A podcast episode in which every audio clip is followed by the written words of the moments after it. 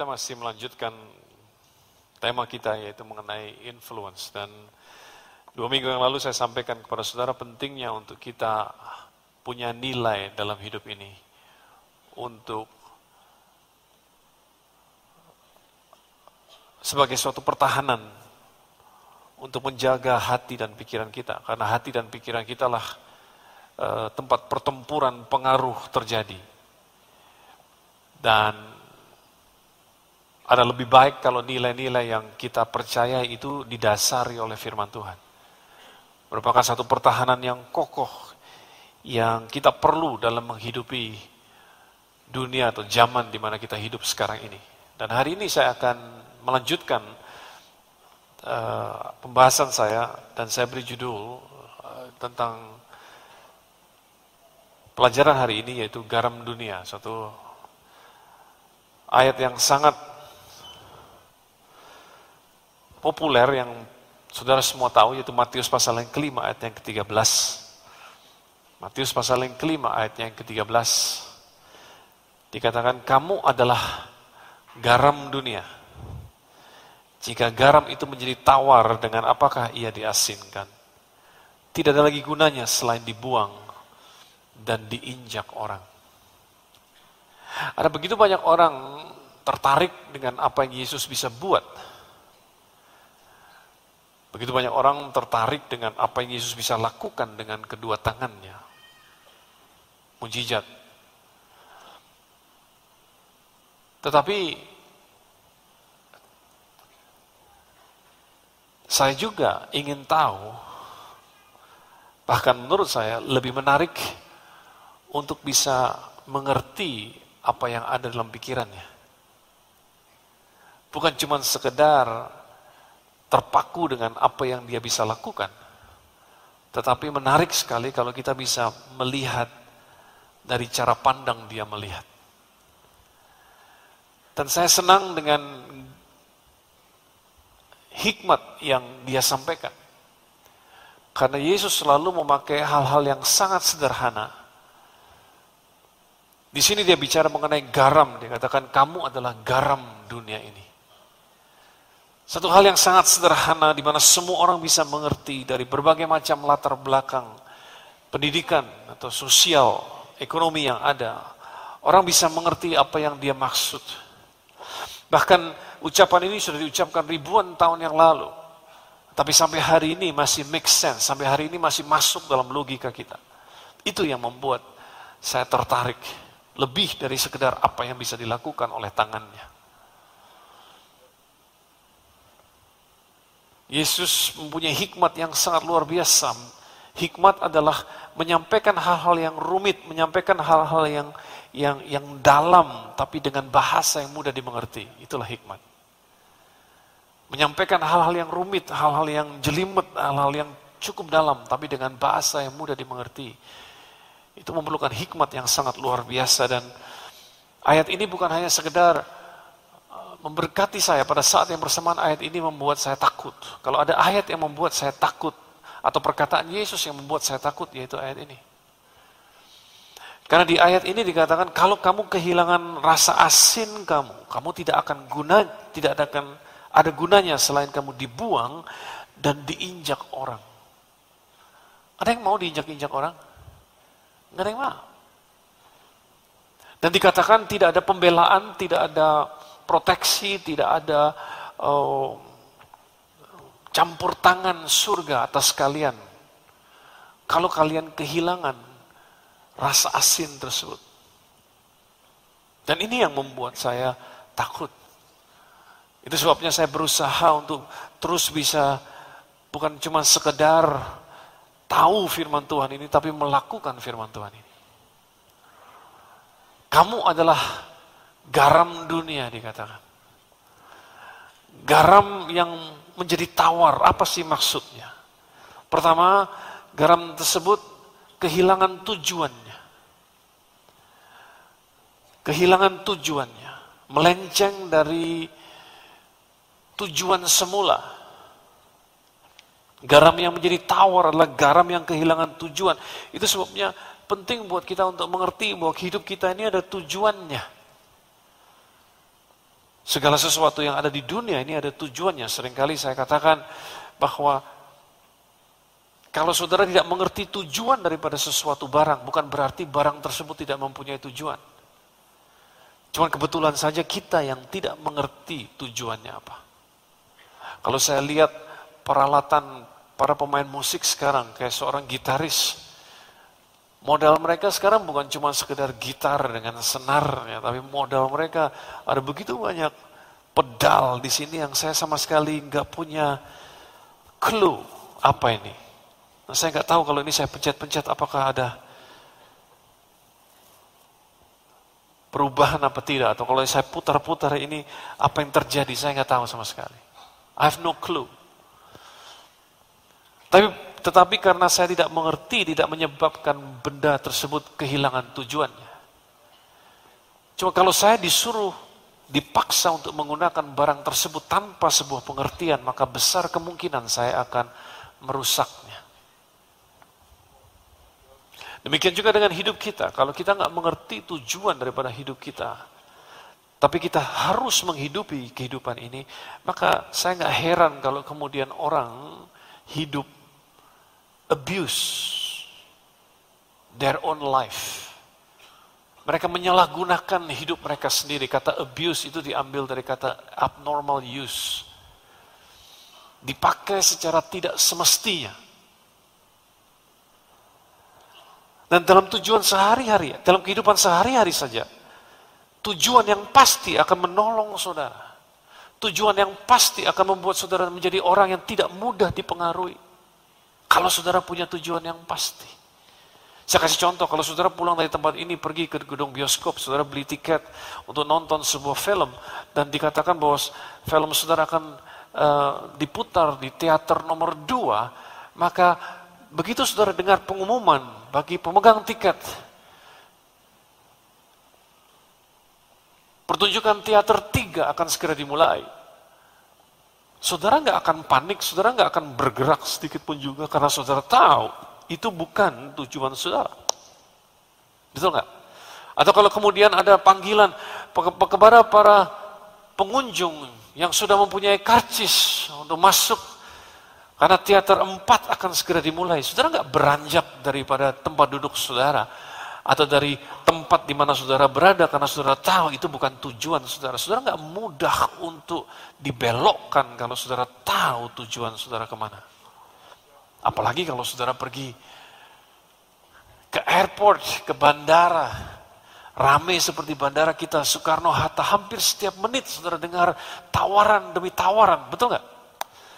Tetapi kenapa saudara nggak panik setiap kali saudara nggak panik, saudara nggak bingung, saudara nggak beranjak setiap kali saudara harus mendengarkan karena saudara pegang tiket, karena saudara tahu ke mana tujuan saudara. Sehingga setiap panggilan saudara bisa tolak dengan baik.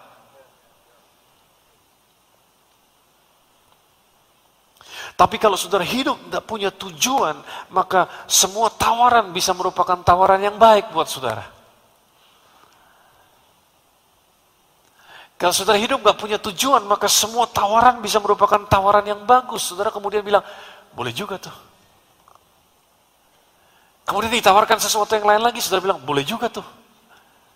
Ditawarkan sesuatu yang lain lagi, bilang, boleh juga tuh. Gitu. Itu artinya saudara belum punya tujuan yang jelas sehingga Anda mudah untuk dibelokkan, mudah untuk dipengaruhi. Si saya sebagai orang tua, terkadang, terkadang saya tidak bisa pengaruhi anak saya. Apalagi yang kecil, kalau dia sudah sudah tahu bahwa film kesukaan dia mau mulai, dan dia sudah tunggu itu cukup lama, umpamanya seminggu dia mau lihat itu. Kalau dia udah kepengen lihat, dia udah tahu tujuannya, maka nggak mudah untuk saya mempengaruhi dia. Terkadang kalau saya pada waktu yang sama ingin ajak dia pergi makan, dia bilang, you just go ahead, kamu pergi sendiri aja. Dia bilang, saya pergi sama semua loh, saya pergi sama mami, saya pergi sama kakak-kakakmu. Dia bilang, go, go, pergi. Sulit untuk saya mempengaruhi dia. Dia bilang, Dad, my film, ini film saya mulai.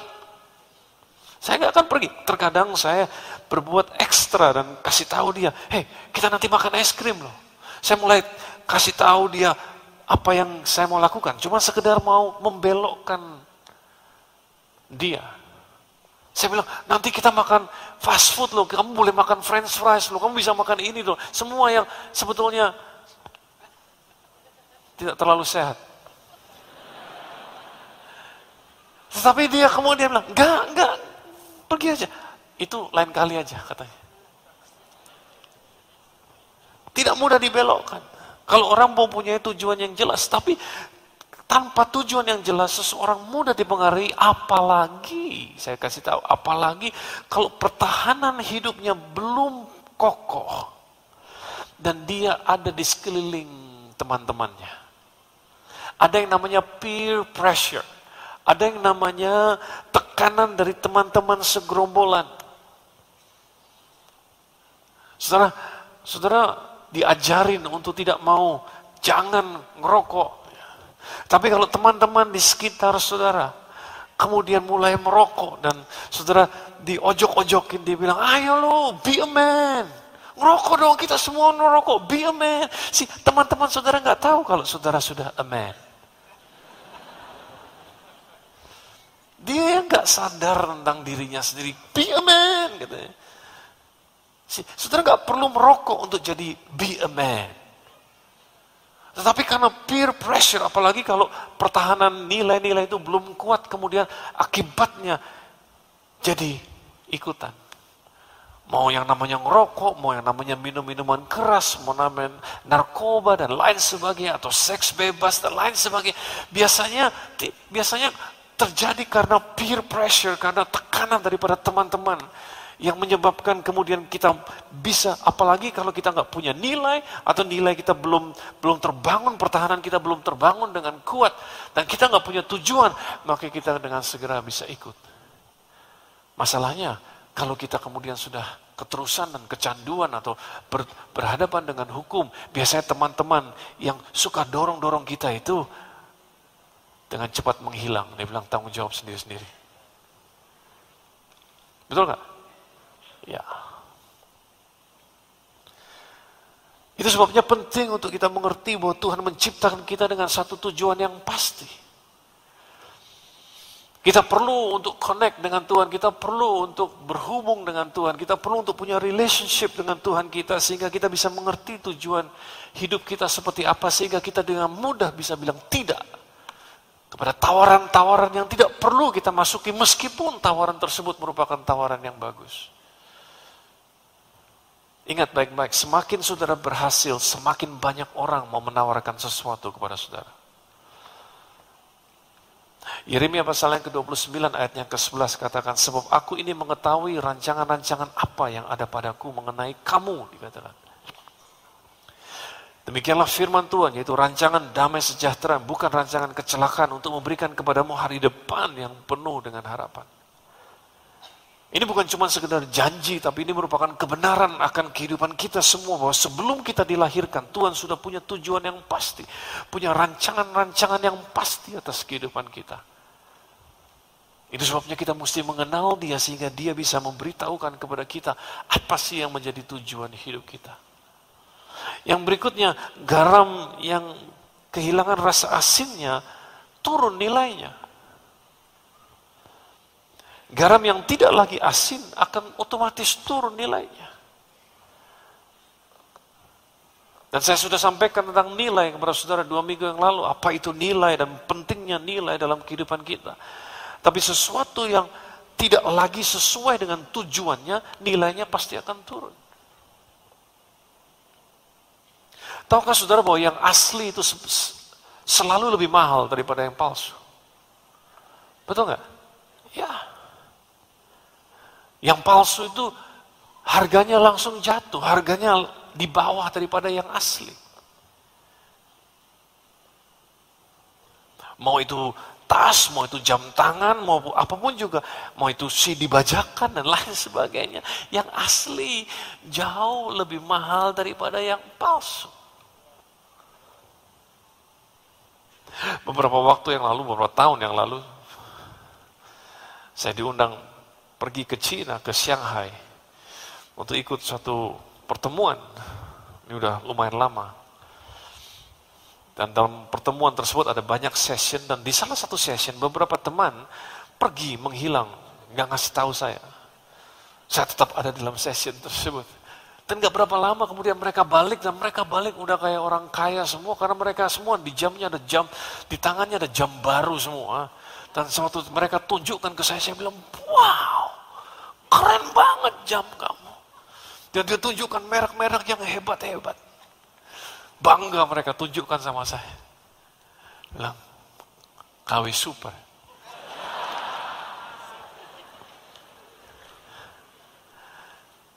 Murah banget. Saya bilang yang benar, persis banget sama asli. Iya, lihat. Lu nggak bisa bedain kan? Iya. Tapi murah banget, dia bilang. Ajak gue dong habis ini. Kenapa demikian? Karena yang asli selalu lebih menarik untuk ditiru orang. Gak ada orang mau tiru yang palsu. Yang palsu gak akan ditiru sama orang. Yang asli selalu lebih menarik untuk ditiru. Nah itu sebabnya saudara saya mau beritahu, kalau saudara mau punya pengaruh dalam hidup ini, just be yourself. You are unique, you are born original. Kamu unik, kamu tuh original, kamu gak usah gak usah gak usah niru orang lain. God made you special. Tuhan ciptakan kamu spesial dan sudah gak perlu tiru yang lain. Just be yourself. Ada buku yang waktu itu ditulis, dikatakan You are born original, don't die a copy.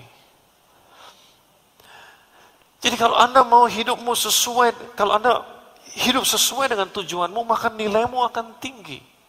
Tapi orang gak akan bayar tinggi terhadap sesuatu yang sifatnya tiruan. Betul apa tidak? Iya. Dan perhatikan, peranan roh kudus dalam, dalam hidup saudara. Roh kudus akan selalu mendorong saudara untuk jadi dirimu sendiri. Roh Kudus akan selalu mendorong saudara untuk jadi original, untuk jadi dirimu sendiri. Sebab Tuhan punya rencana khusus untuk engkau sendiri. Roh Kudus akan selalu mendorong saudara untuk jadi diri saudara sendiri. Sedangkan iblis akan selalu mendorong saudara untuk tidak jadi dirimu sendiri. Untuk menjadi tiruan, untuk menjadi yang palsu. Yang ketiga, dikatakan, garam yang tidak menjadi asin lagi tidak ada gunanya firman Tuhan katakan. Tidak ada gunanya. Dan di zaman Yesus, rumah biasanya mempunyai loteng. Saya baca di sebuah artikel.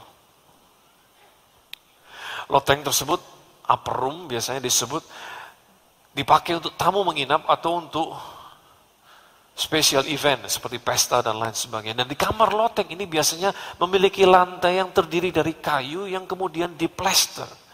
Ditaruh campuran plester di atasnya. Nah plester biasanya dipakai untuk membangun dinding, tembok, dan lain sebagainya. Tetapi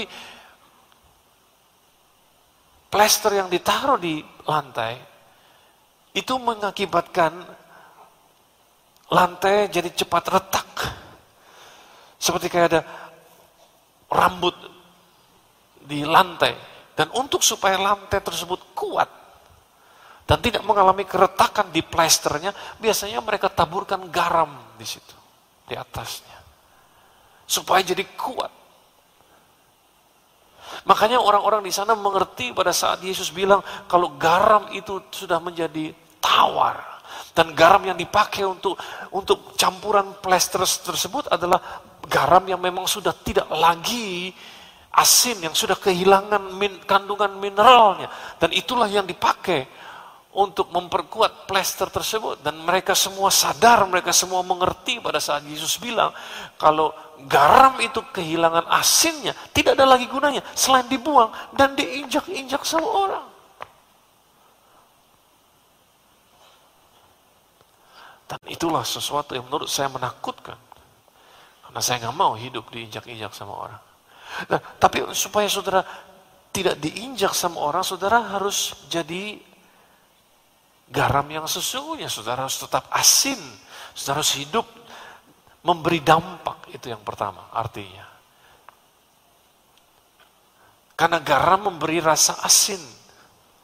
Tentu saja tidak boleh berlebihan. Karena saudara nggak perlu satu panci garam untuk masak satu panci sup. Bisa mati yang makan. Iya kan? Untuk masak satu panci sup, saudara cuma perlu sedikit garam. Untuk untuk membuat sup tersebut jadi rasa nikmat. Garam memberi dampak, garam memberi rasa. Itu sebabnya kalau saudara cuman, wah pak, di kantor ini cuman beberapa di antara kita yang jadi anak-anak Tuhan. So what gitu loh. Selama saudara berfungsi dengan baik sebagai garam.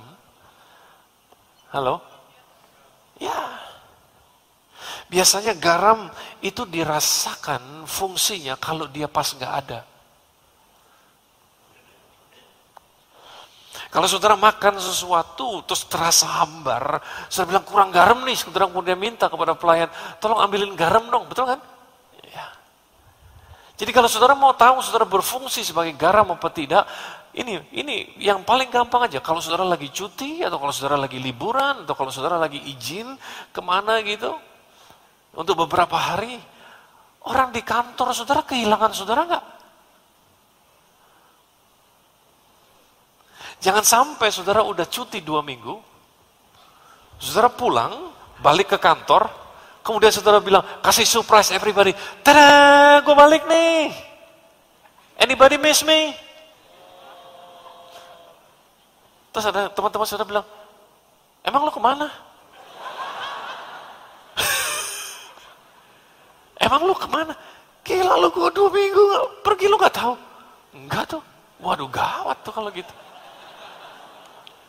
Sama seperti terang juga demikian. Kita nggak pernah appreciate terang sampai terang itu kemudian diambil dari kita. Betul nggak? Kalau kita masuk ke kamar yang gelap, kemudian kita cetek lampu, kemudian nyala, jarang banget ada orang bilang, puji Tuhan untuk listrik. Betul kan? Jarang orang. Tapi gila kita cetek lampu, terus lampunya nggak nyala, baru kita ngomel-ngomel, iya kan? Jadi kalau saudara nggak di appreciate orang karena kehadiran saudara, biasa aja. Tapi kalau saudara nggak hadir, nah di situlah baru. Apa kata orang? Kalau saudara nggak hadir, saudara mau cuti, kemudian saudara dibilang, aduh kalau bisa jangan jangan seminggu deh, tiga hari aja bisa nggak? Berarti mereka memerlukan saudara. Nah kalau saudara tidak berfungsi sebagai garam, maka jangan marah kalau kemudian pas kebetulan perusahaan mau mengadakan perampingan, saudara yang nomor satu dibuang duluan. Karena memang tidak ada gunanya. Ada apa tidak ada, masuk atau nggak masuk, nggak ada masalah. Yang kedua, garam, kalau kita menjadi garam artinya kita ini mempertahankan nilai moral dan etika. Karena garam dipakai sebagai agen untuk memperlambat pembusukan daging dan makanan lain. Ikan dan lain sebagainya. Sehingga jangka waktunya bisa lebih lama lagi untuk dimakan. Artinya keberadaan kita sebagai garam dunia, kita ini memperlambat pembusukan mengawetkan moral dan etika. Jadi orang berpikir ulang karena kehadiran kita untuk melakukan sesuatu yang tidak moral.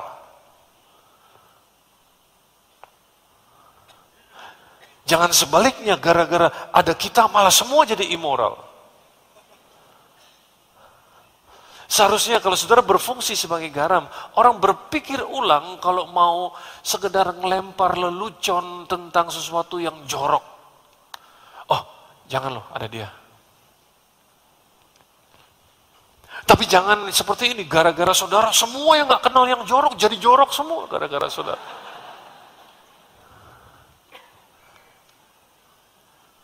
Orang harus berpikir ulang kalau saudara jadi bosnya atau kalau saudara jadi jadi rekanan untuk kemudian mereka mau korupsi atau mereka mau bohong sama atau mau tipu perusahaan tempat mereka bekerja. Orang harus berpikir ulang karena saudara hadir di situ, karena saudara yang mengawetkan moral dan etika.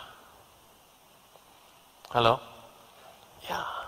Bukan justru menjadi agen yang mem mempercepat pembusukan moral, tapi saudara yang menahan segala sesuatunya, mengawetkan dan sebagai anak Tuhan yang taat dan melakukan firman Tuhan kita, itulah yang diharapkan dari kita. Untuk menahan, untuk mengawetkan sehingga tidak terjadi pembusukan moral. Saya berharap di tempat di mana saudara ditempatkan, saudara berfungsi sebagai garam dunia. So kalau tidak, firman Tuhan sudah jelas, tidak ada lagi gunanya selain dibuang dan diinjak sama orang.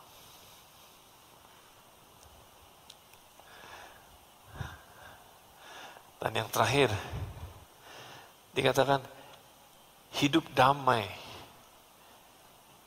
Hidup dalam damai dengan orang lain.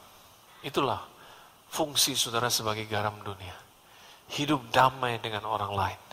Markus pasal yang ke-9 ayat yang ke-50 katakan, garam memang baik. Tapi jika garam menjadi hambar, dengan apakah kamu diasinkannya? Hendaklah kamu selalu mempunyai garam dalam dirimu dan selalu hidup berdamai seorang dengan yang lain. Dikata.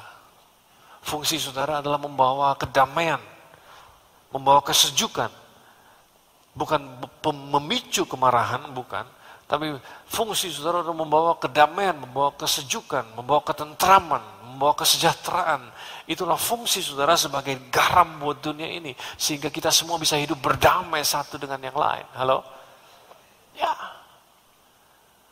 Jadi itu sebabnya berhati-hatilah dengan apa yang saudara katakan, apa yang saudara posting, apa yang saudara tulis, apa yang saudara ucapkan, apa yang apa yang saudara rekam, dan lain sebagainya. Karena di zaman sekarang ini, seperti yang saya katakan, semua orang punya suara untuk didengarkan. Dan sekarang ini, itu sebabnya sekarang ini mulai diatur, ada undang-undangnya. Supaya nggak semua orang bisa menghujat, atau bisa menggosip, atau bisa melecehkan orang lain dengan seenaknya. Itu sebabnya sekarang semuanya diatur dalam undang-undang. Seharusnya kalau kita mau berfungsi sebagai garam, apa yang kita tulis, apa yang kita omongkan, itu menenteramkan, membuat perdamaian, membuat kesejukan, dan lain sebagainya. Berfungsilah sebagai garam. Satu hal yang sangat luar biasa, satu hal yang sangat simple, tetapi mempunyai arti yang sangat dalam dan sangat luar biasa. Saya berdoa supaya saudara mendapatkan tujuan hidup saudara. Saya berdoa supaya saudara mengerti tujuan saudara ada di dunia ini. Sehingga saudara tidak mudah dibelokkan. Saya berdoa supaya saudara punya nilai-nilai sebagai pertahanan kehidupan saudara. Terutama nilai-nilai yang harus didasari oleh kebenaran firman Tuhan.